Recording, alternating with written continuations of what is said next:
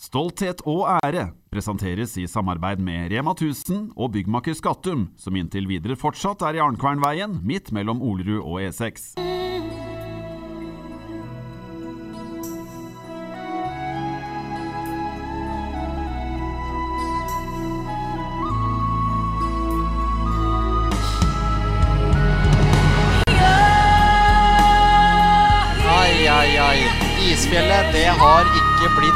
Truffet enda, men at det er skjær i sjøen for eh, Gaute Helstrups eh, menn, det er det ingen tvil om. Og Jonny, hva syns du om, eh, hva syns du om videre låta? Nei, det var en, du sa det var en ny introlåt. Jeg var litt overrasket på hva det kom, men nå var det jo det var det Thomas eh, Lokomotivet som Ja, var var siste gang vi hadde show. Da holdt jeg på å kjøre den uh, rappeversjonen av den når Ja, det begynte å høre det. Og nå er, nesten, nå er det nesten så jeg bryter ut i Celine Dion eh, her. Så Ja. det var egentlig bra du stoppa før vi fikk eh, en ordentlig, ordentlig god solo fra meg der. Ja, en eh, forferdelig HamKam-uke begynner å nærme seg eh, slutten, men det kan jo bli bedre, det kan bli verre. Eh, hva Det nærmer seg på ingen måte slutten på denne uka her, nei. Men eh, det blir eh, litt for spennende, det som eh, vi nå skal inn i. Som jeg for to uker siden tenkte at det blir en sånn komfortabel, ja, hyggelig kamp og gjensyn for Gaute Helstrup. Blir nå en slags cupfinale å regne. Og det skal vi mer tilbake til. Vi har eh, ikke bare én eh, gjest, men vi har faktisk to. Vi har en som uh, kasta seg inn i siste liten her, nemlig Runsten Hansen. Og det kommer til å bli, til å bli fyr her i dag. Nei, det var bare en litt sånn meningsutveksling mellom meg og Ole før sendinga begynte. Så kan vi sikkert ta opp igjen um, noe, av, noe av det. Eh, akkurat ferdig med å tørke tårene her med lommetørkleet mitt. For det, den eh, Titanic-filmen den er jo veldig, veldig trist. Jeg har ikke sett Titanic. Nei, det går jo ikke bra, det heller. Nei, det er det. det, er det. Jeg, har, jeg har på en måte en anelse om hva som skjer. Sånn Det. Og det gikk jo verre, det. Ja, heldigvis. Eller nei, ikke heldigvis. Og her er det for HamKams del, altså, så har jo ikke skipet sunket ennå. Men det lekker. Så det må tettes igjen. Og det Og før man setter ut livbåtene, da. Ja. Men dagens uh, gjest Han er en ordentlig HamKam-legende. Han uh, kommer fra Moelven. Er du født i Lillehammer? Det står det på Wikipedia. Ja, Lillehammer sykehus, da. Ja, ikke sant. Han endte med 258 kamper i HamKam, fire nedrykk og tre opprykk. Nå er det Moelven og pappalivet som gjelder, og vi ønsker hjertelig velkommen til Truls N. Hagen. Takk for det. Hva gjør du om dagen, egentlig? Det er pappaperm, da. Så nå Ja. er jeg hjemme med dattera mi Astrid, som snart er et år. Fyller et år på tirsdag. Mm. Så er det trening på mandag og onsdag i Moelven. Mm. Så er det noen kamper inn i og ned, da. Åssen har overgangen vært fra, fra HamKam eh, til eh, Moelven og pappaliv? Jo, det er en overgang, i hvert fall fotballmessig. Det, jeg, det merkes på kroppen at du ikke trener fem dager i uka lenger. Mm. Og, men eh, jeg tok jo det valget sjøl, og det var jo litt med tanke på at hun kom i fjor høst og kunne få litt mer tid hjemme. Mm. Du holder deg godt da i forhold til så den der, eh, motsetning til den videoen av Wesley Snyder på tribunen her, som jeg håper alle har sett her. Han, eh, han har spist i det siste. Ole Jonny, hva, hva skal man si? Apropos spist i det siste, Ole Jonny. Du har, du har spist lenge. Men eh, hva, hva skal man si om Truls Jens Hagen? 15 sesonger i HamKam. Mm, Truls Hagen han blir jo på en måte stående igjen som en som var med på nesten hele reisa, han. Eh, I forbindelse med den nye eh, Fra de gikk opp med Ståle til Ja, han har Hvis han en skal fortelle en artig og spennende, innholdsrik eh, historie om sin fotballkarriere, så har Truls Hagen i hvert fall mye han skal fortelle. Og så ble han jo da Var jo da både vært ut og inn i perioder av laget, og han har jo vært eh, kaptein, og han har egentlig hatt Han har egentlig fått hele spekteret.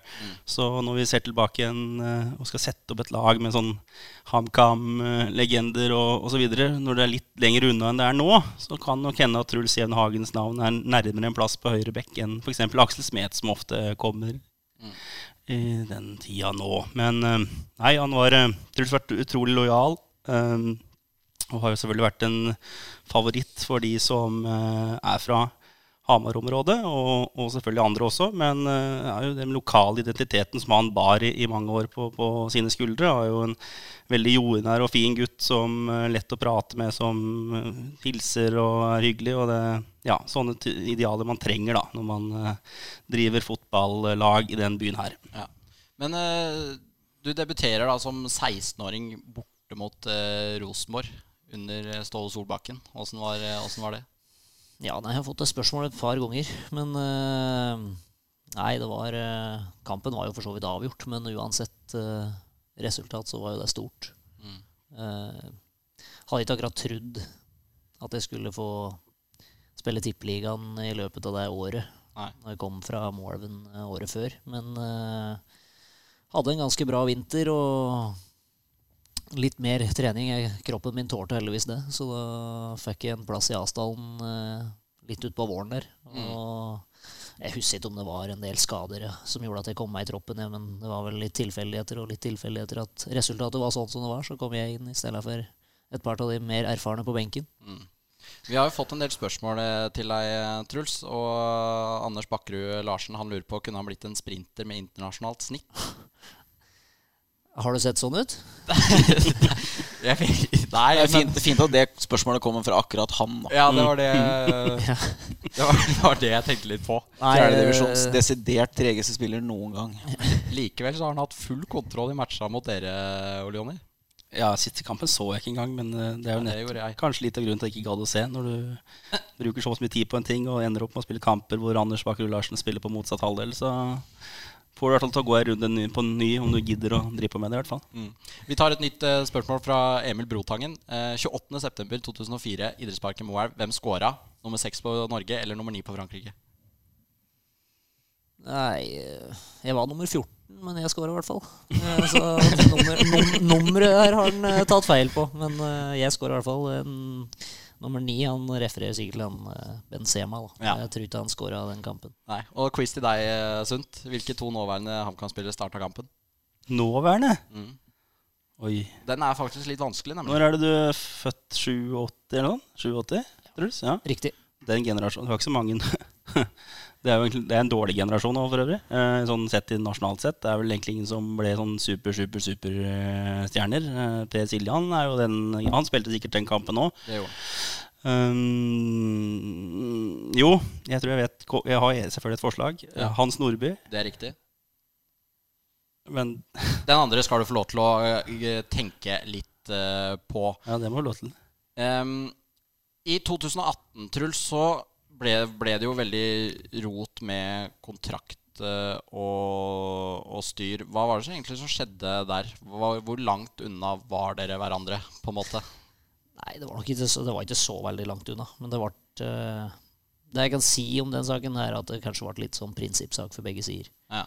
Og utfallet ble uh, stusslig for begge sider, egentlig. Men mm. uh, nå endte det opp med at jeg spilte sesongen uansett, da. Så, sånn sett så driter jeg i det nå. Og det er, eh, det er ikke noe Det, mange, det mange kanskje ikke vet, Er at Truls han satt faktisk da på et jævlig bra tilbud i tillegg. Som han da åpenbart valgte å takke nei til. Husker du det, Truls? Ekspertjobben her? ja. Ja. Det var litt for mange siffer for meg til å takke ja til. Jeg tror vi var i dialog med både Simen Arnesen og Truls Jevne Hagen. Og... Ja. Jeg tror det var greit at det endte opp med Arnesen. Det er ikke alle som var enig i det, skjønner du. Nei, det er mulig. det er ikke så lett å stå som ekspert og skal prate om sine ganske ferske lagkamerater. Men var det Har du fått mye tilbud opp gjennom åra fra andre klubber? Nei, ikke så veldig. Jeg har fått uh, noen uh, henvendelser. Som uh, en jeg ikke fikk høre om sjøl. Er, er, er, vi i pengeland her, eller er vi, hvor er vi igjen? Nei, nei, nei. nei. Det er Norge, ja. Okay. Så nei, jeg fikk Det er faktisk, er faktisk Espen som ringte meg begge ganger. Ja. Så Fra strømmen, eller? Nei, det var tidligere. Okay. Men, få det ut, vi må ha noen ja, nyheter her. Ja, ja det, er, det, er ikke akkurat noen, det er ikke akkurat noe breaking news. Men uh, når han gikk til Stabæk ja.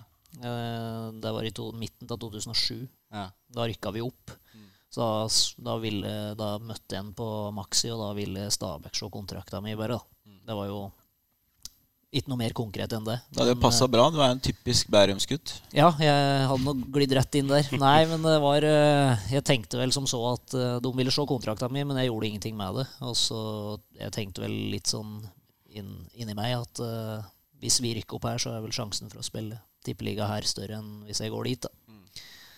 Og så ringte han meg fra Sogndal i 2010, når vi skulle spille andredivisjon her. Men der fikk jeg ikke høre om sjøl. Eller han ringte ikke meg, da. Da Nei. ringte han klubben. Men eh, han er jo sportssjef her nå. Ville han ha med deg videre den sesongen her? Det ble aldri noe tema, egentlig. Eh, han hadde vel jobba kanskje Han var vel klar kanskje ei uke før jeg var på kontoret til Riise og sa at det var slutt. Mm. Men vurderte du ikke i det hele tatt å ta en ny sesong i det? Nei, egentlig ikke. Jeg var ganske bestemt da.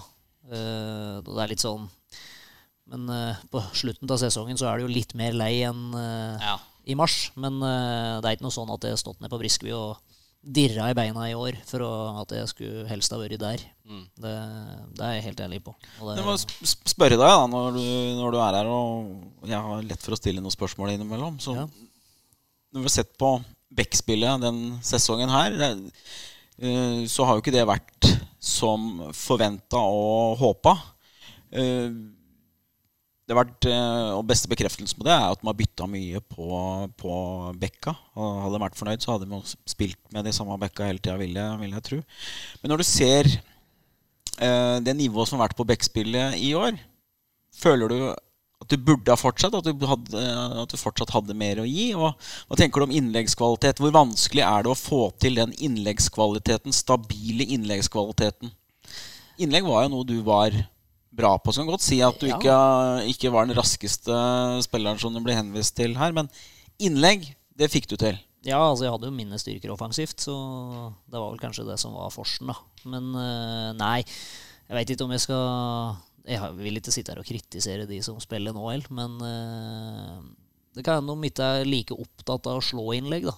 Eh, jeg har følt kanskje litt at det er det som har vært skal jeg si, grunnen til at vi ikke ser like mye innlegg. At eh, de ikke ønsker det på den måten som vi gjorde før. Eller altså under Kevin da, og den tida jeg har spilt, så virker det som at, at de prøver på en måte å finne skal si, muligheter mer sentralt i banen i stedet for å slå de innleggene. Så akkurat det, så jeg skal ikke uttale meg så veldig mye om det når jeg ikke veit hva de Jeg veit ikke nok om hva de uh, har som tanker rundt uh, sitt eget spill på den biten. Hvor mye tid brukte du på det, på å bli bra på det? Jeg brukte ja, kanskje litt ubevisst mye tid òg, men eh, sånn som Det var jo Beckham som var store forbilde når jeg var yngre. Uh, det var jo egentlig ganske tilfeldig at eh, han fikk nummer sju etter Cantona.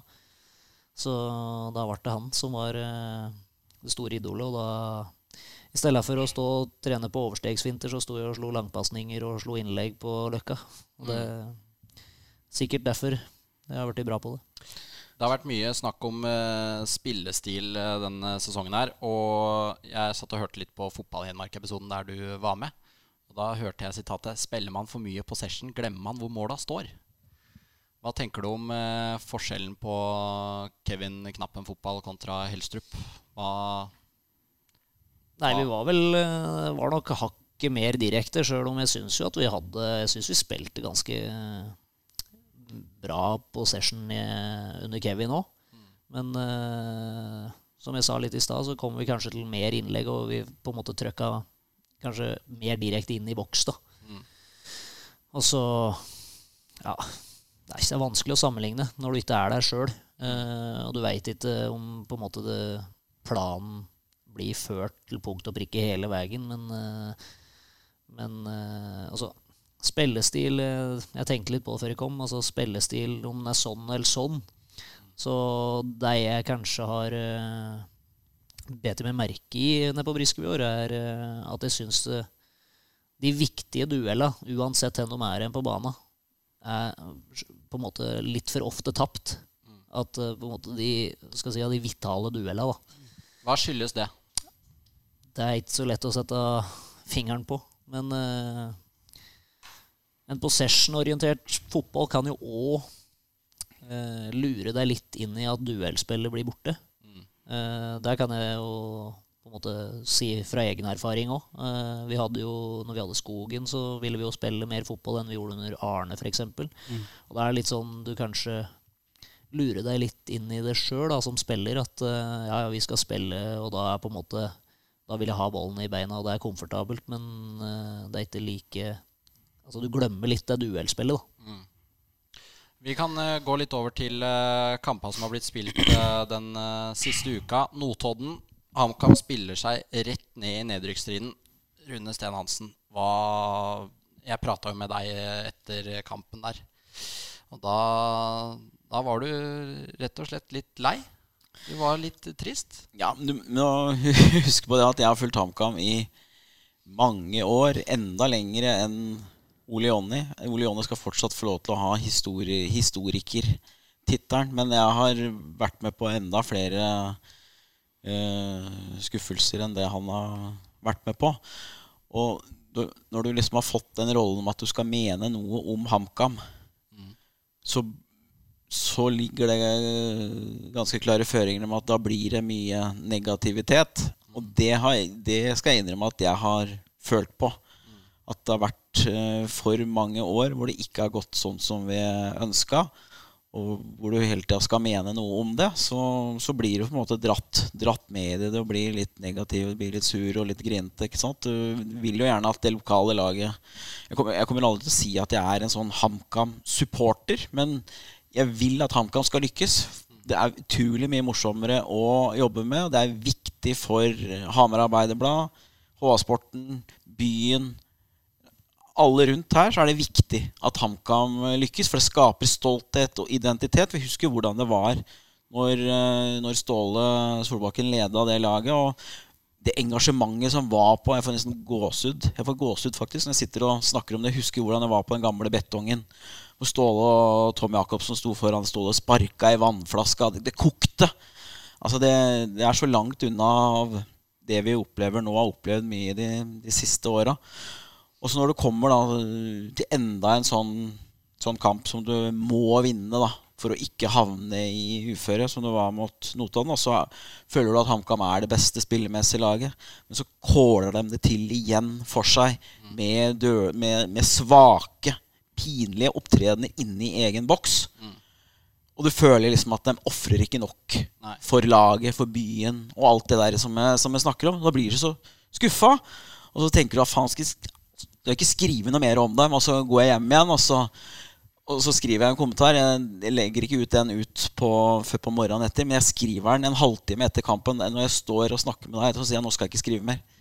Men jeg kommer hjem, så er det første jeg gjør, opp med PC-en og, og hamre løs. ikke sant? Og, øh, det fine nå er at nå kan du jo gå inn og se på situasjonene om igjen og om igjen. og om igjen Så jeg brukte ganske mye tid det gjorde jeg også på den forrige kommentaren som jeg skrev, hvor jeg presiserte det der med at Enkerud uh, var faktisk feilposisjonert i forkant av baklengsmåla. Uh, mm. mm. Og vi har liksom muligheten nå til å arrestere dem i større grad på det faglige, for vi også sitter med mulighetene.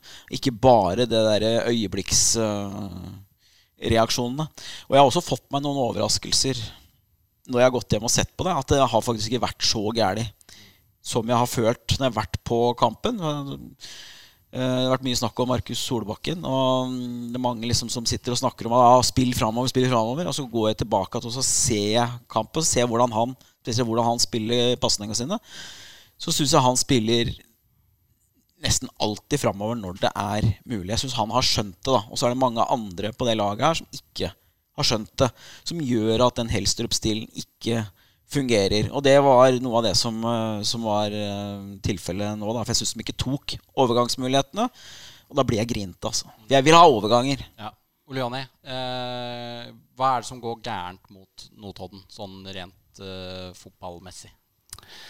Uh, ja, hvor skal vi starte? Rune er inne på veldig mye av det her. da Det er jo på en måte På et eller annet punkt så er det på en måte De får det jo egentlig inn i sitt spor og det de egentlig ønsker, men så er det som vi har mast på, som Rune avslutter med nå, det er jo Når du har dem på gaffelen, så må du på en måte ta bl.a. overgangene. Det var det igjen nesten ingen vilje til Og det er jo litt av problemet vårt òg, at vi skal på en måte fortsette litt i samme modus. Eh, kamp ut, kamp inn, uavhengig av eh, resultat, eh, hvor kampbildet står osv. Og det er, oppleves jo som litt frustrerende. Og det der er jo Notodden-kampen er er jo Resultatet er jo krise.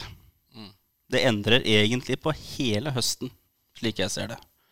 Går fra kanskje ett poeng der hadde kanskje vært nok, det. Eller til å bare i hvert fall ha en litt annen approach.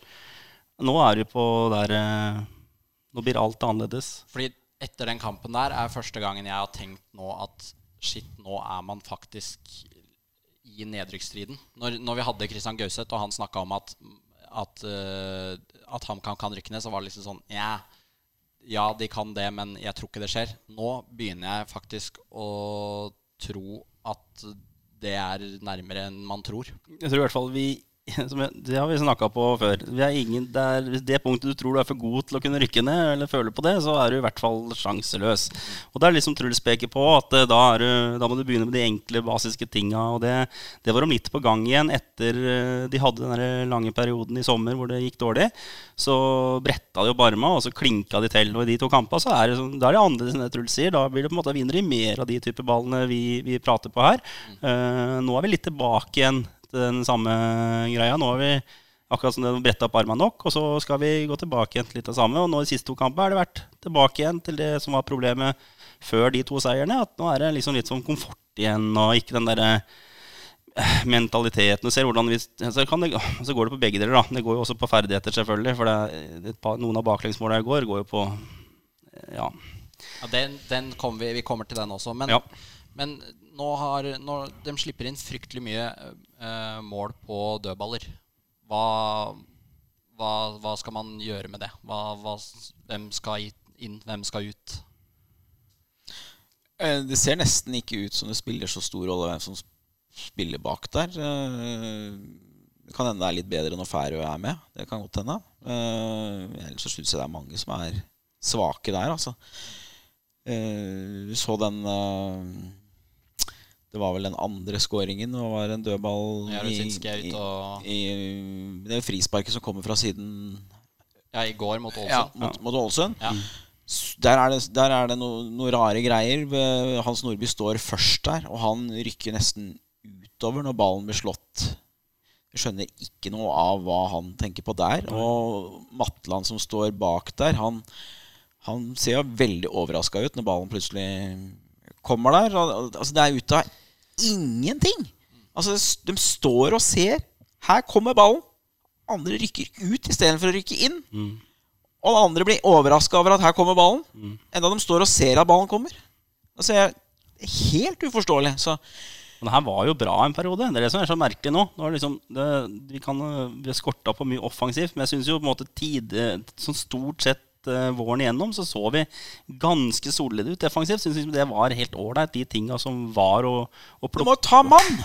Ja, ja, ja. Men jeg syns ikke det er var det stort problem. Men det har blitt et problem nå det siste. Hvis vi tar med KFM i samme slengen her, så er det jo slik at et lag som egentlig så helt greit ut defensivt, nå lekker som ei sil. Truls, du har vært, uh, du har vært forsvarsspiller, du. Hva, ja. hva skal man si? Nei, altså Dødballer er jo på en måte en evig diskusjon da, om åssen du skal løse det. Og Sånn jeg ser det, så står jo HamKam i sone. Og så er det det å ta mannen, da. Mm. Da skal du ta mannen i de sone når det den uh, dødballen går. Og så kan det være litt uh, bytter og sånn i det offensive laget, og så blir det litt kluss. Så Hva tenker du om den situasjonen som vi snakka om, da, det med, med Nordby og Matland? Hva er det som skjer der? Nei, Sånn jeg ser målet, så kommer vel han som scorer imellom uh, jo og Hans, da. Uh, og han står jo fremst i sone Ja, i soneveggen der, kan du si. Mellom uh, Altså innafor muren, da. Og han skal jo helst da kanskje skrine ut det som kommer langs bakken, eller på en måte i, i den høgden som han kan nå. Da må han jo falle ned i ja. bana? Ja, han uh, bør helst falle ned rett før han slår, ja. Det, det, så eh, litt merkelig ut at han rykka ut. Men eh, så Jo er jo på en måte bak han som scorer. Så, men jeg er overraska litt. Så er det litt sånn Det er ikke så lett å få brøt i den foran en i den farten som han kommer. Han blir sikkert minst like overraska som at ballen kommer der, som at Nordby forsvinner utover. da så. Ja, det kan være det. Ehm, vi må ta og høre litt fra vår eh, sponsor. Stolthet og ære presenteres i samarbeid med Rema 1000 og byggmaker Skattum, som inntil videre fortsatt er i Arnkvernveien, midt mellom Olerud og E6. Det diskuteres mye på, um, på Twitter etter og mellom kampene, og en av de som har fått mye kritikk, og som eh, var med i en artikkel som eh, vår kollega Bendik lagde i dag, er Lukas Jarosinski. Han eh, har fått mye av eh, skylda for noen av bakmål- baklengsmåla. Og man eh, lurer litt på hvorfor eh, Lars Gjendal er henta tilbake hvis han ikke skal spille. Nå er han skada. Eh, Rune, tror du han eh, snart får eh, lov til å prøve seg på bekostning av eh, Lukas? Jeg tror han får eh, sjansen snart, ja. Eh, han er jo henta tilbake for at de skal testen i høst, så han vil få sjansen. Så er spørsmålet når det er. De må finne, finne noen kamper som de syns er egna. Og så syns jeg at det har vært eh, i overkant mye prat om Jarosinske. Jeg syns det er så mye annet som ikke fungerer. Jeg synes det er så veldig enkelt å peke på han eh, keeperen som Eh, ja, det er mange langskudd, men det har vært mange gode langskudd òg. Så det, det er like mye at de ikke kommer opp i press, syns nå jeg, da. Så, så selvfølgelig så, så, det ikke, så, det ikke, så det ikke bra ut, eh, den som var i, var i går. Han eh, bør jo klare å unngå fellen der, selvfølgelig. Men jeg syns det har vært for mye snakk om Jarosinski, og for lite om at det er noen spillere som ofrer seg i forkant der. Mm. Du sa du var enig, Truls. Ja, altså det er eh, Ja, det kan jo diskuteres så langt unna skudda kommer fra og sånn. eh, Men eh, det må kastes inn i blokk. Mm. Når det er skudd fra midt foran mål, det er ikke veldig lett for en keeper. Altså hvis du altså Hvis du får skyte fritt fra 16, så er spillere i Obos-ligaen gode nok til å prikke de ned i hjørnet. Mm.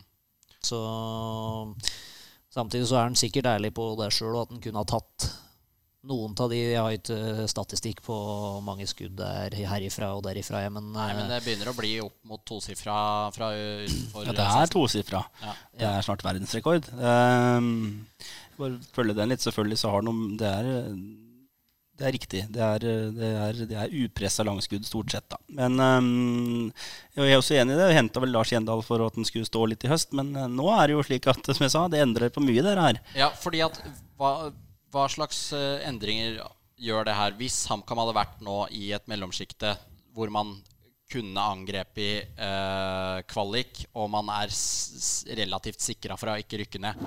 Da hadde det vel vært mer naturlig å latt Lars Gjendal, 19 eller 20 år, få lov til å prøve Ja. seg? Det er helt riktig. Og det, og, men nå er jeg ikke sikker på om det er noe lurt i det hele tatt. Nei, for hvordan I går så blir eh, Det skal vi også innom eh, etterpå.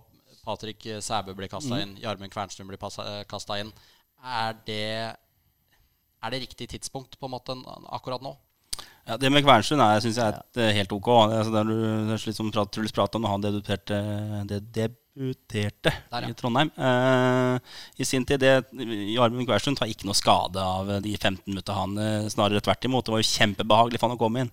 Det var 5-1, og det var liksom ikke noe, noe det er fint for en offensiv spiller, for å si det rett ut. Da kan du være heldig, så kommer en eh, seg litt av, og du får en i bakrom som du kan løpe gjennom. Og det er eh, egentlig bare gull med en sånn type en sånn type innbytte.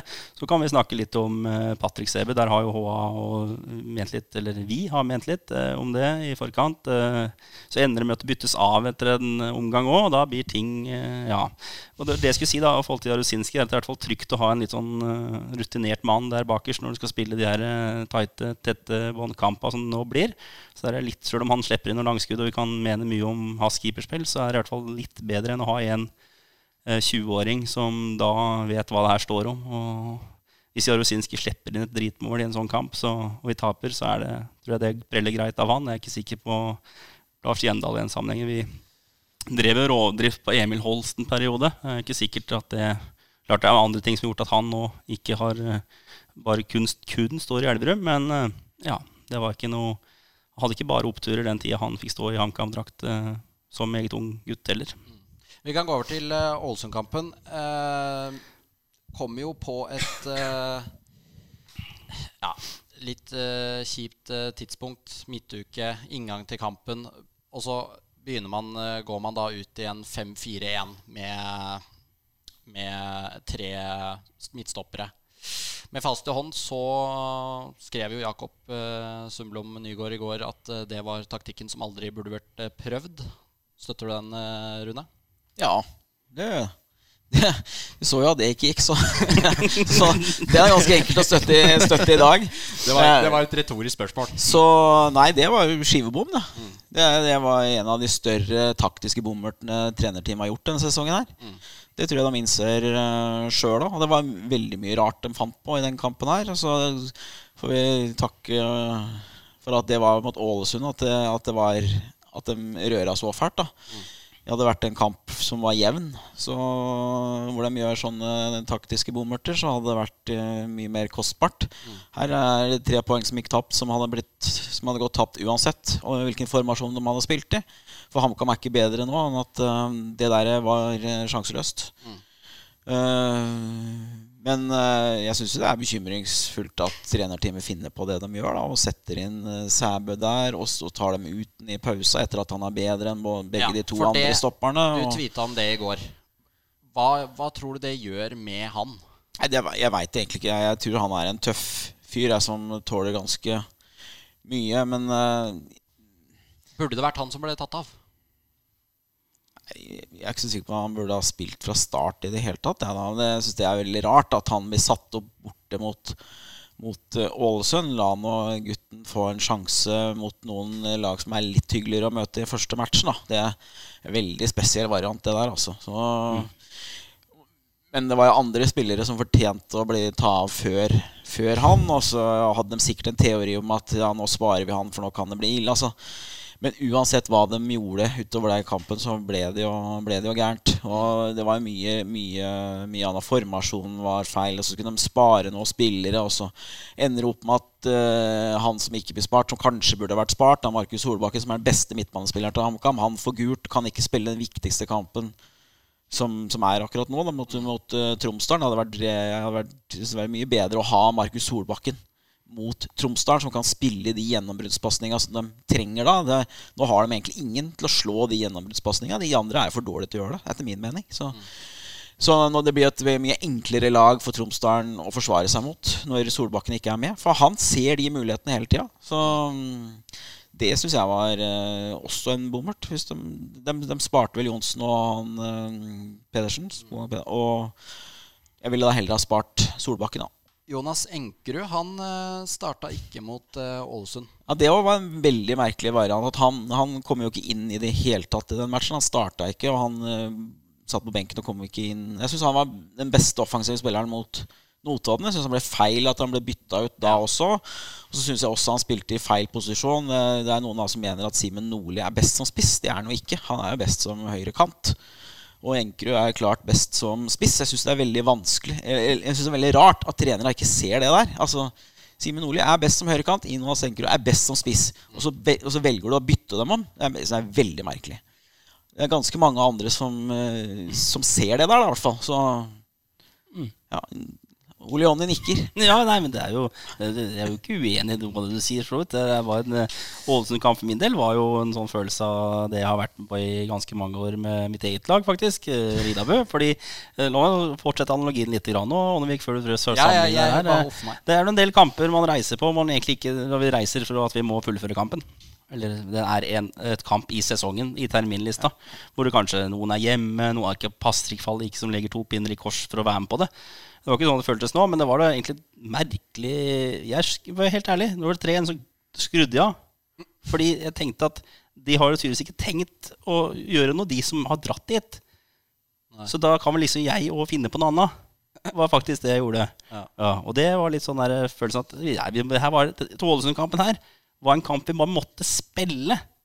Det var følelsen min til hele den kampen, og det syns jeg var utrolig lite givende. Altså, sånne der, eh, taktiske varianter eh, hvor man skal prøve på noe som vi ikke har øvd på. Sånn, det, Mot det beste laget, borte. ja, Ålesund skal sies det at Ålesund er, er Når de er gode, så holder jo de eliteserieklasse. Det, det skal vi ikke glemme, altså, for det, det, det, de har et ordentlig robust, godt godt, eh, solid lag. Ja. De burde ha gått opp i fjor. Men uh, men men det, det forst- samtidig så er det, sånn- det der teorien med at det og det kan skje hvis den er i jobben, det er jævlig vanskelig, altså, vil jeg tro. Jeg tror det er så enkelt da at hvis du skal ha en sjanse mot det beste laget, så må du spille sånn du er best til å spille sjøl. Antageligvis et uh, riktig poeng. Det kan vi høre med han som har vært med på en del av sånne ting. Eh, noen taktiske eksperimenter og sånt, Truls, har det liksom vært eh, det å så plutselig spille høyreback en fire, firer bak til å bli wingback en femmer. eh, hvor vanskelig blir det å forholde seg til? Nei, akkurat den backrolla tror jeg faktisk kanskje er den letteste å omstille. Ja, da. Uh, men uh, det blir jo Nei, jeg skal si, ja. Det, er, jeg har ikke, det har ikke vært så mye krydderfantasier uh, mens jeg har spilt, egentlig. Så Du er enig i at dette var en spesiell variant?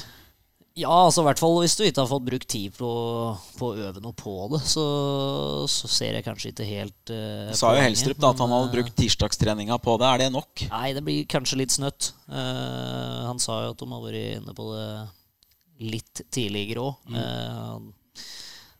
ja, jeg vet for lite, men samtidig eh, det, møte Ålesund Kanskje de tenkte at de skulle ha en variant i bakhånd eh, til seinere som de ville teste ut, der de kanskje hadde liten for jeg tror på poeng, da. Ja. vi satser på at, det ikke, at de ikke går ut i 5-4-1 mot eh, Tromsdalen i helga, i hvert fall.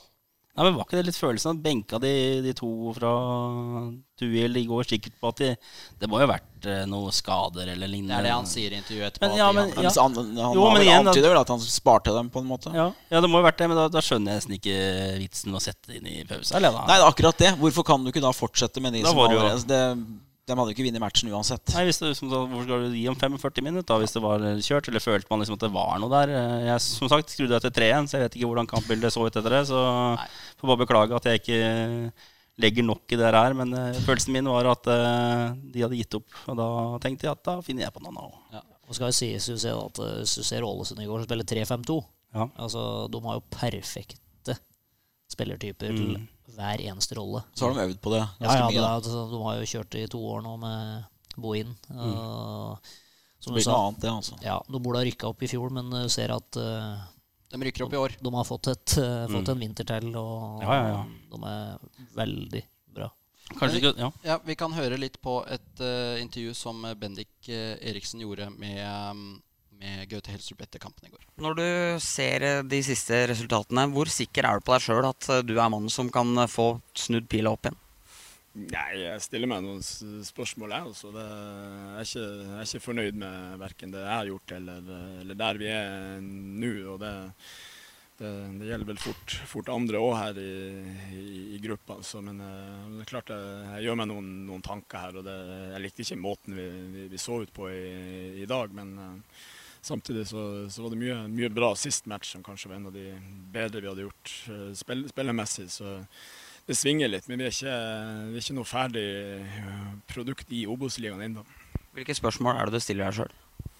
Jeg stiller jo meg spørsmål om, eh, om vi klarer å få den forbedringa vi, vi, vi ønsker med vi, vi som, som er her. og Det, det er jo hva, hva gjør jeg riktig, og hva, hva kan jeg gjøre, gjøre bedre. Så det Svaret får man ofte i kampene, og det, det som sagt, eh, svaret i dag var ikke, var ikke bra nok. Så, så regner jeg med at vi, vi skal stå sammen om det her frem til, til søndagen og, og prøve å gjøre en bedre jobb da. Gaute Helstrup han eh, stiller seg noen eh, spørsmål om litt av hvert. Eh, Hva, hva får du ut av det intervjuet her, eh, Ole Jonny? Uh, nei, jeg, det, det, det, vet du hva? Det, er, eh, det syns jeg var vanskelig å, å få ut av. Rune har nok tenkt mer på akkurat den. så Det skal du få svare på, Rune. Ja, det, jeg stussa veldig når jeg hørte det intervjuet her i, i går. Og jeg, jeg opplever at her er det en trener som begynner å bli mør. Altså. Han, øh, han misliker situasjonen så sterkt nå at han, han sier jo det. At han har begynt å stille seg noen spørsmål. Og, Både til seg sjøl og til andre i gruppa. ja, ja. Og eh, Gaute Helstrup han er en så dedikert fagmann. Han er noe av det HamKam var ute etter. Og når han ikke lykkes, så tror jeg han tar det så inn over seg at uh, han eh, Jeg tror ikke han tåler så mange flere sånne skuffelser før han trekker seg. Tror du han er eh, men, tro, men av det du har sett, da, av den utviklinga man har hatt fra januar til nå, er den duoen den riktige duoen for HamKam? Jeg synes det er et vanskelig spørsmål å svare på nå. Hvis du liksom må ta et valg eh, Jeg tror, jeg tror, ingen har godt av å ta et valg på det akkurat i, eh, i dag. Men utviklingen er for dårlig. Mm. Den er uh, nesten ikke synlig lenger. Det, de har ikke fått det til. De har bomma, bomma for mye inngangen til sesong med å hente spillere. De får ikke spillestilen til å flyte. De, de, tar ikke overgangene som de må gjøre for at en sånn stil skal fungere. Og de bommer på laguttak. Mm. Uh, det er mye som ser vanskelig ut uh, for dem. Og så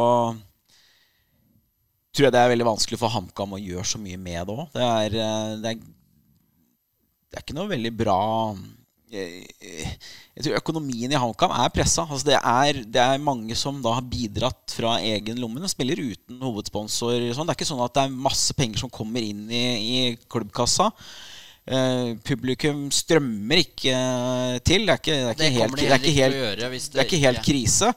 Men jeg tror det er ganske opplagt at det ikke er for mye penger i omløp i HamKam nå.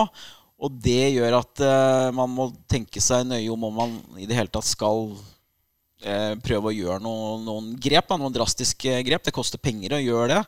Jeg tror det er, Akkurat nå så syns jeg det er større sannsynlighet for at Gaute Helstrup trekker seg sjøl, enn at han får sparken. da. Mm. Ja, ja, nei, men da, Jeg kan jo da svare på det spørsmålet du stilte, Rune. Og da er mitt svar definitivt ja. Altså, de er, det her er rett kombo. Og jeg ser mye det har vært helt åpen på hele sesongen. At jeg ser ting her som er Og jeg holdt, holder fast ved prosjektet her. Uh, synd hvis det ender med at de, de, gir seg. Men de har en del utfordringer i forhold til spillelogistikk. Det er det ikke bare Espen Olsen som skal ta ansvaret for. Uh, de sitter med det. HamKam er ikke best på så veldig mye i Norge, men vi har i hvert fall én ting som vi konkurrerer med de absolutt beste i Norge på. Og det er at vi har den dyreste tribuna i form av spillere som sitter der. Det sitter all, låst opp altfor mye midler i spillere som vi ikke bruker i det hele tatt. Mm. Uh, det er klart det er en hemsko nå, uh, og de har måttet tatt noen valg. De driver um, helproft med å trene på dagtid. Det, og de har så og så mye midler å gjøre det på. Det gjør at det er ganske vanskelig da, å få tak i spillere så, til en kostnad som uh, Fordi det å ha en sivil jobb utenom er ikke veldig enkelt å kombinere med det å være proff på dagtid når ikke pengesekken er større som den er, så er det, er det, er det vrient. Så jeg tror de har, de, har, tenkt jeg tror, nok, jeg tror nok Espen Olsen og Gaute Helseth har ganske mange overraskelser eh, gjennom det året de har vært HamKam-trenere. Både på hva slags materiell de hadde å jobbe med, og, og så har de bomma litt på hva de har fått inn. Så mener jeg igjen at det har vært eh, spillere som, vært, som, man skulle ha lykkes med, som ikke har lykkes med. Og så er det litt forskjellige ting til det. Men jeg, jeg tror vi har begynt å gå en vei nå. Hvis vi hopper av der her nå, så er det bare nye år med men, Olione, ørkenvandring. Men altså. Olione, hvis du står der nå og risikerer å rykke ned med hele prosjektet, mener du da at vi ikke skal gjøre noe? Nei, hva, hva, men hva har det vi har gjort de siste ti åra? Nei, men svar på det. Mener, det, det, er ganske, det, er, det, er, det vi må snakke om nå. Altså, Når det står, vi står der at det er en risiko for at HamKam kan rykke ned ja. med den måten de spiller på og holder på nå, mm. uh, så er forutsetninga som de er. Mener du da at det er bedre å rykke ned, sånn at de gutta skal få en ny sjanse? Eller skal man prøve å gjøre et grep for å berge plassen og starte på nytt igjen Nei, det, neste det, sesong? Det er jo det man må snakke om, da. Ja. Og da, da, ja. men Det grepet ville ikke vi gjort utenom at de gjør det sjøl. Det er poenget jeg prøver å si. da Og jeg synes, Vi på en måte bare ta med i beregninga at du klarer det. Rykker de ned, så gir de seg uansett. Jeg sier jo ikke det at, at de skal sparkes nå. Nei, nei. Det er ikke det jeg sier. Nei. Men Taper de mot Tromsdalen, så blir jo det her eh, et uh, tema. Og på et eller annet tidspunkt så må noen ta et valg. Skal vi ta sjansen på å rykke ned på den måten, med den måten å spille på? Eller skal vi gjøre, hente noen andre og gjøre noe helt noe annet? og, og, berge stumpene denne sesongen her og begynne på nytt igjen neste år igjen? Ja, Tenker du rent spillelogistikk, så begynner det å haste. Det er vel søndag som er siste muligheten. Ja. Eller lørdag, faktisk. Så det, jeg vet ikke hva du tenker, her, men det er klart at det, skoen trykker på en spiss. skoen trykker på en midtstopper. Skal, skal man finne midler nå? Ta en sjanse på så Det vi trenger, er å få en spiss og en, og en midtstopper som vi trenger. Uh, eller, skal, kanskje, eller skal vi bare la det flare med den gjengen vi har? Hvis de velger å la det flare med den gjengen de har, så kan de, er de nødt til å kaste alle planer og ideer på, på båten. Brette opp arma og spille den enkleste type fotball som fins. Ut sesongen for å klare å redde. Så får de fortsette å utvikle laget. For spille en slags sånn at på possession-fotball skal være måten å redde plassen på. Nei. Det er vi enige i hvert Ja, det er vi enige om. Åssen er det å stå i nedrykksstrid, eh, Truls? Du har jo vært med på det et par ganger. Det er ikke noe morsomt. Eh, Det går litt inn på deg. Mm. Men eh, det er bare å prøve å være så proff da, at du klarer å tenke litt dag for dag. Trening for trening. Men jeg har vært med på en sesong der vi trodde vi var for gode til å rykke ned. Og vi rykka ned med 37 poeng i Mm. 2009. Og som Ole Jonny sa i stad, så er det, det er skummelt å tro at du ikke kan gjøre det, i hvert fall. Du er jo sett og vis morsom. Litt sånn, du er jo på en måte i nedrykksstrid i år òg. Ja, jeg Ja. er jo det, men nå er det, jo sju lag som eh, maks som klarer, kan holde seg. Så Det blir litt annerledes da, mener du, vi kan si at uh, vi har omtrent hatt litt sånn uh, sesong som HamKam. At vi har slitt litt i begge bokser. Vi må få inn litt penger, vi, så vi hører fra våre sponsorer. Stolthet og ære presenteres i samarbeid med Rema 1000 og byggmaker Skattum, som inntil videre fortsatt er i Arnkvernveien, midt mellom Olerud og E E6. På søndag så skal eh, grønnhvite gutter opp til eh, Gaute Helstrup sin gamle arbeidsgiver, Tromsdalen. Kunne den kampen komme på et mer ubeleilig tidspunkt? Nei. nei. Er fordi at eh, den åpenbart kanskje den enkleste kampen å vinne ut sesongen, og så kommer den nå på et punkt der vi egentlig ikke helt vet hvordan vi skal angripe det.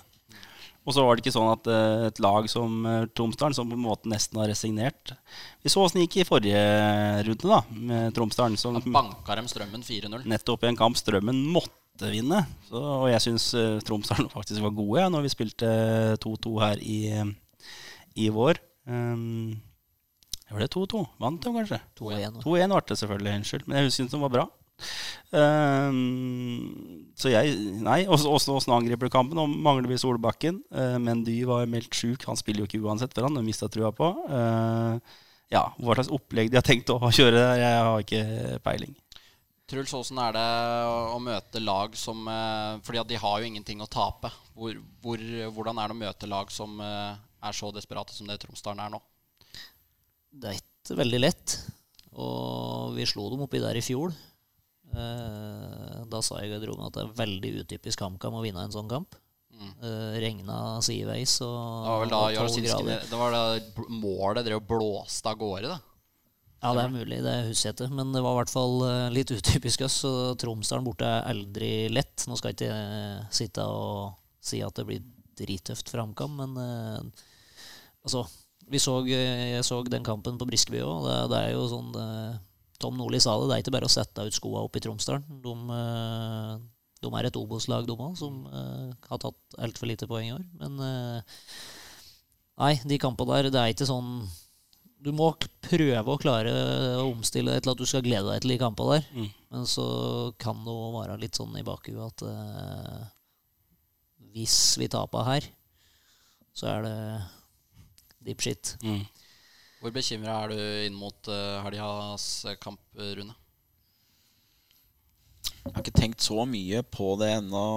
Jeg har på en måte prøvd å bearbeide det som har vært de siste kampene, og først og fremst. Og så tenker jeg at eh, vi får i hvert fall noen svar da, på om det bor noe som helst guts i denne gjengen her. Svikter dem nå igjen, så jeg vet nesten ikke hva jeg skal, skal si da. Altså, det, jeg jeg syns det begynner å bli trist å, se hvordan de eh, står fram i, i dueller og avgjørende situasjoner. De, de svarer i og for seg ålreit eh, for seg i eh, intervjuer og sånne ting.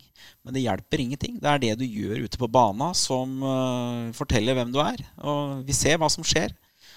Eh, nå får de en ny sjanse mot uh, Tromsdalen, og de må gripe den nå, altså. Hvem bør spille, mener du? I, eh, altså ikke over hele banen, men for, la oss ta for eksempel Jeg, en, jeg mener at nå må du spille enkelt. Spille vanlig 4-4-2. Uh, spille med, med Jarosinski. De må spille med Skogvang. Pedersen på høyre bekk. Jeg vet ikke om Færøy blir klar. Hvis han er klar, så må han spille. Og så må Allegre spille. Og så tror jeg kanskje jeg hadde brukt uh, Matland på venstre bekk framfor Hva med en spiller som Ja, for eksempel nesten opplagt Ja. valg. Det Hva med for eksempel en spiller som eh, Emil Silnes? da Produsert fire målpoeng på 19 kamper. Nei, det er altså øh, Han har det, Han varierer jo fryktelig, men øh, det kan godt hende han er inne i en øh, startoppstilling. Eh, Simen Nordli må i hvert fall spille høyre kant, og så må Onsrud og Johnsen spille sentralt. Og så må Midtskogen og Enkerud spille på topp. Og så får du Jeg vet ikke om du har så mange andre alternativer. En Silnes på venstrekanten der. Jeg tror nok det blir Silnes. Ja. Det blir 4-4-2 med de folka der. Og så må de blø og dø for de tre poengene der. De skal hjem. Så må Matland slå denne ballen 60 meter av gårde. Og så, Ja, men det må i hvert fall Nå, nå må, Ja. også må vi være så snill Jeg har én bønn. Jeg regner med dem hører på. Kan vi være så snill å slutte med de innkasta på, på egen på 20 meter inn i banen? Hvor det blir brudd, hvor det blir sjanse. Kan vi slutte med det nå? Takk. Det er eh, som vi var inne på, overgangsmarkedet det stenger eh, søndag. Eh, Hvem bør ut, og hvem kan man klare å kvitte seg med av eh, de som eh, sitter og tar opp eh, lønnsposter? For, he- for å være helt ærlig så tror jeg ikke det er så mange andre klubber, mange klubber som nå driver og ja, HamKam-spilleren skal vi ha, han skal vi ha. Jeg tror ikke det er så mange. altså Ut, nei. Fordi at det er jo det som Nei, er, nei. det er, jo det som er greia. Det er jo det som har vært greia, at de, det er ingen som går inn før noen går ut. Nei, det må jo ha noen ut. Ja, men det spørsmålet er om de har muligheten til å tenke sånn nå. For det er jo ikke akkurat Det er jo ikke de dyreste kontrakta vi skriver nå, hvis vi skriver ut året. Nei, men penga må jo komme fra et sted, da. Penga kan eh, Det er spørsmål hvor desperat du er. Det er å tenke på hva som er konsekvensen av å ikke gjøre det. Men Hvis du skal hente noe, så må du hente noen som kan gå inn og forsterke en elver. Det er jo det du må tenke da. Du kan ikke tenke på å hente en som bare skal være en inn- innbytter, i hvert fall. nei, nei. Og det jeg sier at klokkeklart så ønsker en er jo en spiss og en midtstopper. Fra min side, i hvert fall. Mm. Eh, Ja, det brenner i begge ender. Ja, det er det vi trenger. Og det bør være eh, noen som har, har vært med på noe før. Eh, voksne folk som eh, gjerne en en stopper med pondus og punch og Kan ta litt ansvar Ja. og dirigere litt bak deg, for det er, det er helt fraværende. Liksom. fraværende. Ja, ja en, en ordentlig sånn. Men hvor, hvor mange sånne finnes det, da, som er klasser rundt ledig nå, som vi kan bruke? Og en spiss, så kan du ikke ha en eh, 19-åring som ser spennende ut. Du må ha en eh, ja, du må ha Frode Birkeland, på en måte. Uh, ja, det er sånne typer du trenger nå, hvis du skal være i den posisjonen jeg er, der. redd, jeg er redd det ender opp med at du må forklare deg med det du, det du har. da Så jeg, Mest tror- sannsynlig jeg tror det er der, du, der vi står. Da er de veldig trygge på den gjengen de har nå. Det Ja. Det ville jeg kanskje ikke vært. Vi må kjøre noen lytterspørsmål til eh, Truls. Og et lytterspørsmål som er ganske langt, som jeg, vi har fått av Bendik. Det, det er sju år siden Truls eh, sin gode venn Jon Anders Riise kom på Allstar-laget i julecupen. En litt eh, forsmådd Truls som ikke var å finne på laget, følte for å prate med vennen da skuffelsen hadde tatt overhånd under banketten på kvelden. Ønsker han å utdype hva han sa til meg, da? Og før du svarer, så kan du faktisk få lov til å høre eh, Jeg fikk et lydklipp av Bendik der han forteller sin side av saken. Så kan du få lov til å fortelle etterpå. Litt dårlig lyd her, Ronnevik, men vi tar den nå. Nei, det som var greia, var jo at uh, Truls var jo brydd, ikke sant. Eh, jeg sto og vaska hendene mine på doen på La Rosa, der banketten var, og så Så plutselig stikker han huet foran mitt når jeg liksom står og vasker hendene, og så sier han Hæ, dette er Allstar-teama. Risen med! Og jeg liksom snur meg litt perplekst, og så sier han Rise med? Har ikke touchel da! Og så begynte han å glise. Så det er eh, Så det er greia. Så i etterkant så har vi glist litt av den eh, storyen der. At eh, småbrydd Jevne Hagen eh, ikke likte at eh, bestekameraten tok eh, den plassen. Så hei, hei, Truls. Hei, hei, Truls. Hva, hva, hva skal man si ja, om det her? Nei, jeg tror at det her er skikkelig røverhistorie.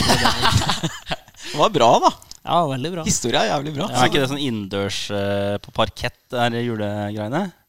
Jo, jo. Det er jo, det er jo Skjønner jo poenget ditt. Så, så du, mener at, du mener at dette ikke er sant? jo. Det er helt sikkert sant. Men uh, Nei, eh, jeg, jeg kan ikke huske det helt sjøl. Men uh, det kan hende jeg har sagt, det. Jeg, det var jo på banketten, så var sikkert litt Jeg har sikkert litt drukket i vann. Får bare beklage til Risen at jeg prata han ned. Men uh, han tåler en slik melding. Han. Jeg, har fått, jeg har fått mye dose meldinger fra den kanten, jeg også. Det, det, får vi, det får vi tåle. Men um, han er jo en uh, god kompis av deg som også er fra Moelven. Og Kvadrofenia han lurer på hvorfor er Moelven en såpass bra talentfabrikk? Davod Darzani kommer vel også fra Moelven, stemmer ikke det? Nei, det er ikke så Nei, jeg vet ikke. Det er ikke noe det er ikke noe sånn der mirakelkur oppi i Marvin, så vidt jeg vet. Eh, ser kanskje sånn ut. jeg, jeg, har, jeg, har, jeg, har, født en teori der, da. Uh, forhold til at uh, Moelv er akkurat såpass langt unna Hamar at uh, dere Jeg tror først det er fint sånn miljø for å spille fotball mye oppi der. For det andre tror jeg ikke det er så veldig mange alternativer uh, for spillere.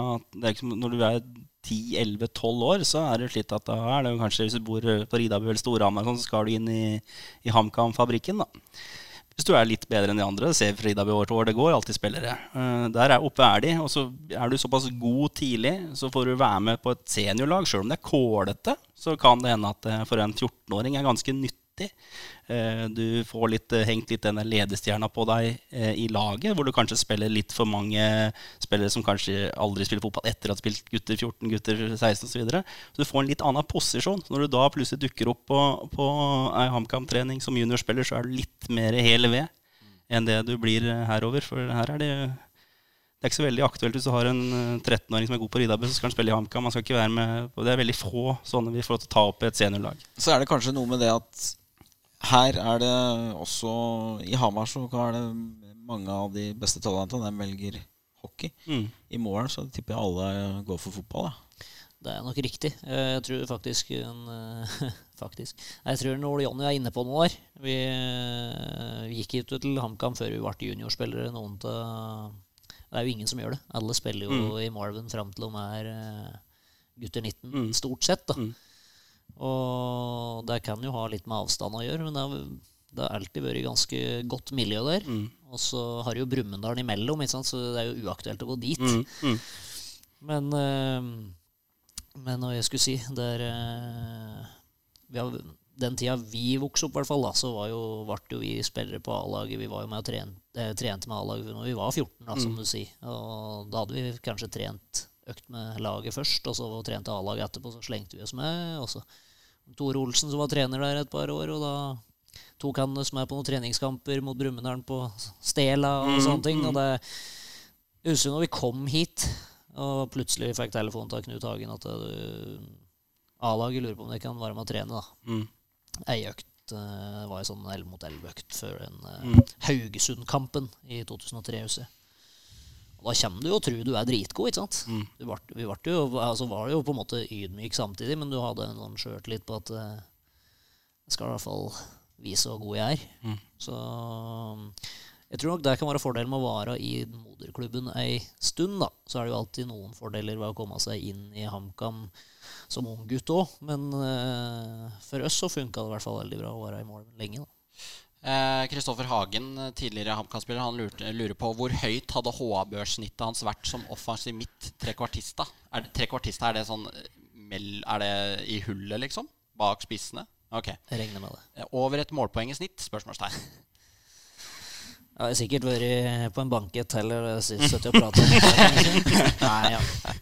Ja, men det er jo det du tenkt altså, At du ble høyreback. Det var jo ikke der du spilte når du var yngst, egentlig. Var ikke, jeg husker du var jetturneringa og gjestespilte da. Så var du høyre kantspiller. Og... Du har spilt mye forskjellig, da. Du har vært både sentral midt og begge bekka og kant. Og har det Jeg tenkte jeg skulle spørre deg om det i stad, men jeg får sjansen nå. Har det hemma deg på noen som helst måte at du ikke har blitt rendyrka? Det kan det nok ha gjort. Eh, hvor burde det ha blitt rendyrka? Jeg tror du kanskje nå vil si sentral midtbane. For jeg tror du følte at der hadde du lyst til å spille mest uh, en stund. Ja, altså, altså Som sagt, jeg er ikke noe sånn superhurtig. Men uh, liker å tro at jeg har litt fotball i huet, i hvert fall. Så jeg kunne nok kanskje ha funka som en kant òg. Men uh, det er vel backet har på en måte nesten blitt dyrka som. Da, da ble det jo ble flyttet ned på bekken for at uh, alle ble skada før mm. seriestart i 2007. Og så Men så er det jo ofte litt hardere konkurranse på de sentrale midtbaneplassene. Det, er det. Det er det. Så du skal på en måte ha Når en klubb liksom står der og nå skal vi, nå skal vi forsterke, liksom. Altså, det er ikke det første de tenker på. Nei, nå må vi ha en ekstremt god back, liksom? Nei, det er vel kanskje riktig. Eh, De har, det, det er eh, HamKam har jo hatt så gode backer. Mm, så akkurat for å- har ikke hatt bruk for det. nei, ja, nei, men det er eh, Jeg veit ikke åssen rolle jeg kunne ha vært i best i. Det er vanskelig å si. Jeg spiller venstre kant i Marvin nå. Oi, innoverkant, da. Ja. Banke til der. Ja, det, er, det, er, det er mye målpoeng. Det er over ett i snitt. Så Ja, ikke sant. Og Moelven fotball de lurer på hvem som er lengst i dusjen. Ja, jeg vet også sitter og styrer han kontoen der, så han vil sikkert at jeg skal si han. At han står der lengst. Hvem det er vel det? han mener, kanskje. Hvem er det, da? Ken Arntzen, det. Hvis det er Ken Arntzen som spør, så er jeg litt usikker på hva er den egentlig mener. Jeg, jeg, jeg er ganske sikker, jeg er ganske, ganske sikker på hva han mener, men jeg kan ta den pene utgaven. Uh, Ole Marius Pedersen han lurer på om du fortsatt har god kontakt med Ted og Kenny fra ungdomsskolen. Nei, det er, eh, dette er bare tullespørsmål, tror jeg. Det er jo alle sånne alter egoer vi hadde på Alter egoer. Ja, det var noe Det er bare noe tull. okay, så du, Ja, ikke det vil, bare for å sette meg ut. du vil ikke gå lenger inn på det? Nei. Nei, greit. Um, jeg tenkte jeg skulle spørre deg litt, uh, Truls, fordi at um, det er jo, du har jo en lang og fartsfylt uh, karriere. Hvem er liksom Ja, jeg tenkte å stille noen spørsmål nå. Hvem er den beste medspilleren du har spilt med? Det har jeg fått mange ganger òg, og det er vel eh, sånn Rent kvalitetsmessig så er det jo Jan Michaelsen, som jeg har spilt Som jeg spilte to sesonger, så, eller, altså, som jeg òg var en del av startelveren. Og han var jo en skikkelig sånn kravstor spiller, som du kunne bli jævlig irritert på. Ja, det, litt sånn som ung gutt bare sånn Faen, hold kjeften på deg, altså. Men uh, samtidig, når du ser tilbake på det, så lærte du ekstremt mye. Bare sånn små detaljer som å spille på riktig fot. Og, du kunne spille inn der uansett. Han mista jo ikke ballen. Og han var en stor, eh, stor grunn til at vi rykka opp det året i 2007. Han gjorde mer ut av seg på banen enn han gjorde i bussen, i hvert fall. Da, der var det stort sett bok og hodetelefoner. Ja, ja. Det, men det er Coldplay. mye artige historier om en Jan òg. hva, med, hva med verste medspiller, da? Verste med spiller Åh, er, den er jo ikke pen, da. Men han, har, men han har jo hatt noen. Det, Altså, du har jo Ja. 15 siste åra. Altså, ja, 10 da, ja. Jeg tror det er ganske mange av dem som ikke hører på den podkasten. Ja, ja, men jeg velger å ikke kommentere noen navn der. Men uh, jeg, jeg telte over. Jeg hadde vel uh, nesten 40 lagkamerater, eller 50 lagkamerater i 2014. da. Mm. Ja. I 14, ja. Så jeg har hatt noen, ja. Jeg husker Roger Skynstad hadde en sånn sak når Vegard Bjerke ga seg. At han hadde, mange? Mattis var det som hadde det. Mattis var det, unnskyld. Mattis Røne. Beklager, Mattis. Eh, hadde en sak på Vegard Bjerkes eh, lagkamerater i HamKam i sin tid. Det var en lang artikkel. Ja, det var over 100. Ja, det var det sånn. Sånn, det, ja. Kan avslutte med hva Jørgen Karlsen, som også lurte på, på det. Hva, hva er ditt beste HamKam-minne? Opprykk. Alle opprykka, egentlig. Det, er, eh, det er en sånn helt nydelig følelse i det opprykket er sikra. Det var eh, ja, Det opprykket nå sist var faktisk ganske emosjonelt for min del. Det har vært i ja, den der andredivisjonssumpa, som jeg kaller det. Det er litt sånn det er mye mye bra fotballspillere og fotballag i andredivisjon som trener helt sjukt mye. Og så er det ikke like mye Det er ikke like glamorøst å komme seg opp at det er med, med HamKam som vi alle mener at hører hjemme i toppfotballen. Ja, nå er jo andredivisjon delt av toppfotballen, men det regner ikke det helt sånn. Det, man vil vel eh, opp igjen til Eliteserien. Vi eh, kan vel begynne å runde av. Vi har prata i over en eh, time. og vi lader da opp til kampen mot Tromsdalen i helga. Tusen takk til deg, Truls. Tusen takk til eh, Rune for at du tok deg tid. Og Leoni, stolthet og ære. Come on, for faen. Stolthet og ære presenteres i samarbeid med Rema 1000 og byggmaker Skattum, som inntil videre fortsatt er i Arnkvernveien, midt mellom Olerud og E6.